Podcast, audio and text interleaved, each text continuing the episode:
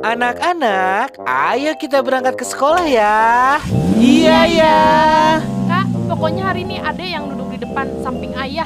Enggak ah, kakak yang duduk di depan. Ada di belakang aja. Eh, kenapa sih ribut-ribut? Bukannya cepet naik? Ini nih, kakak nggak mau duduk di belakang.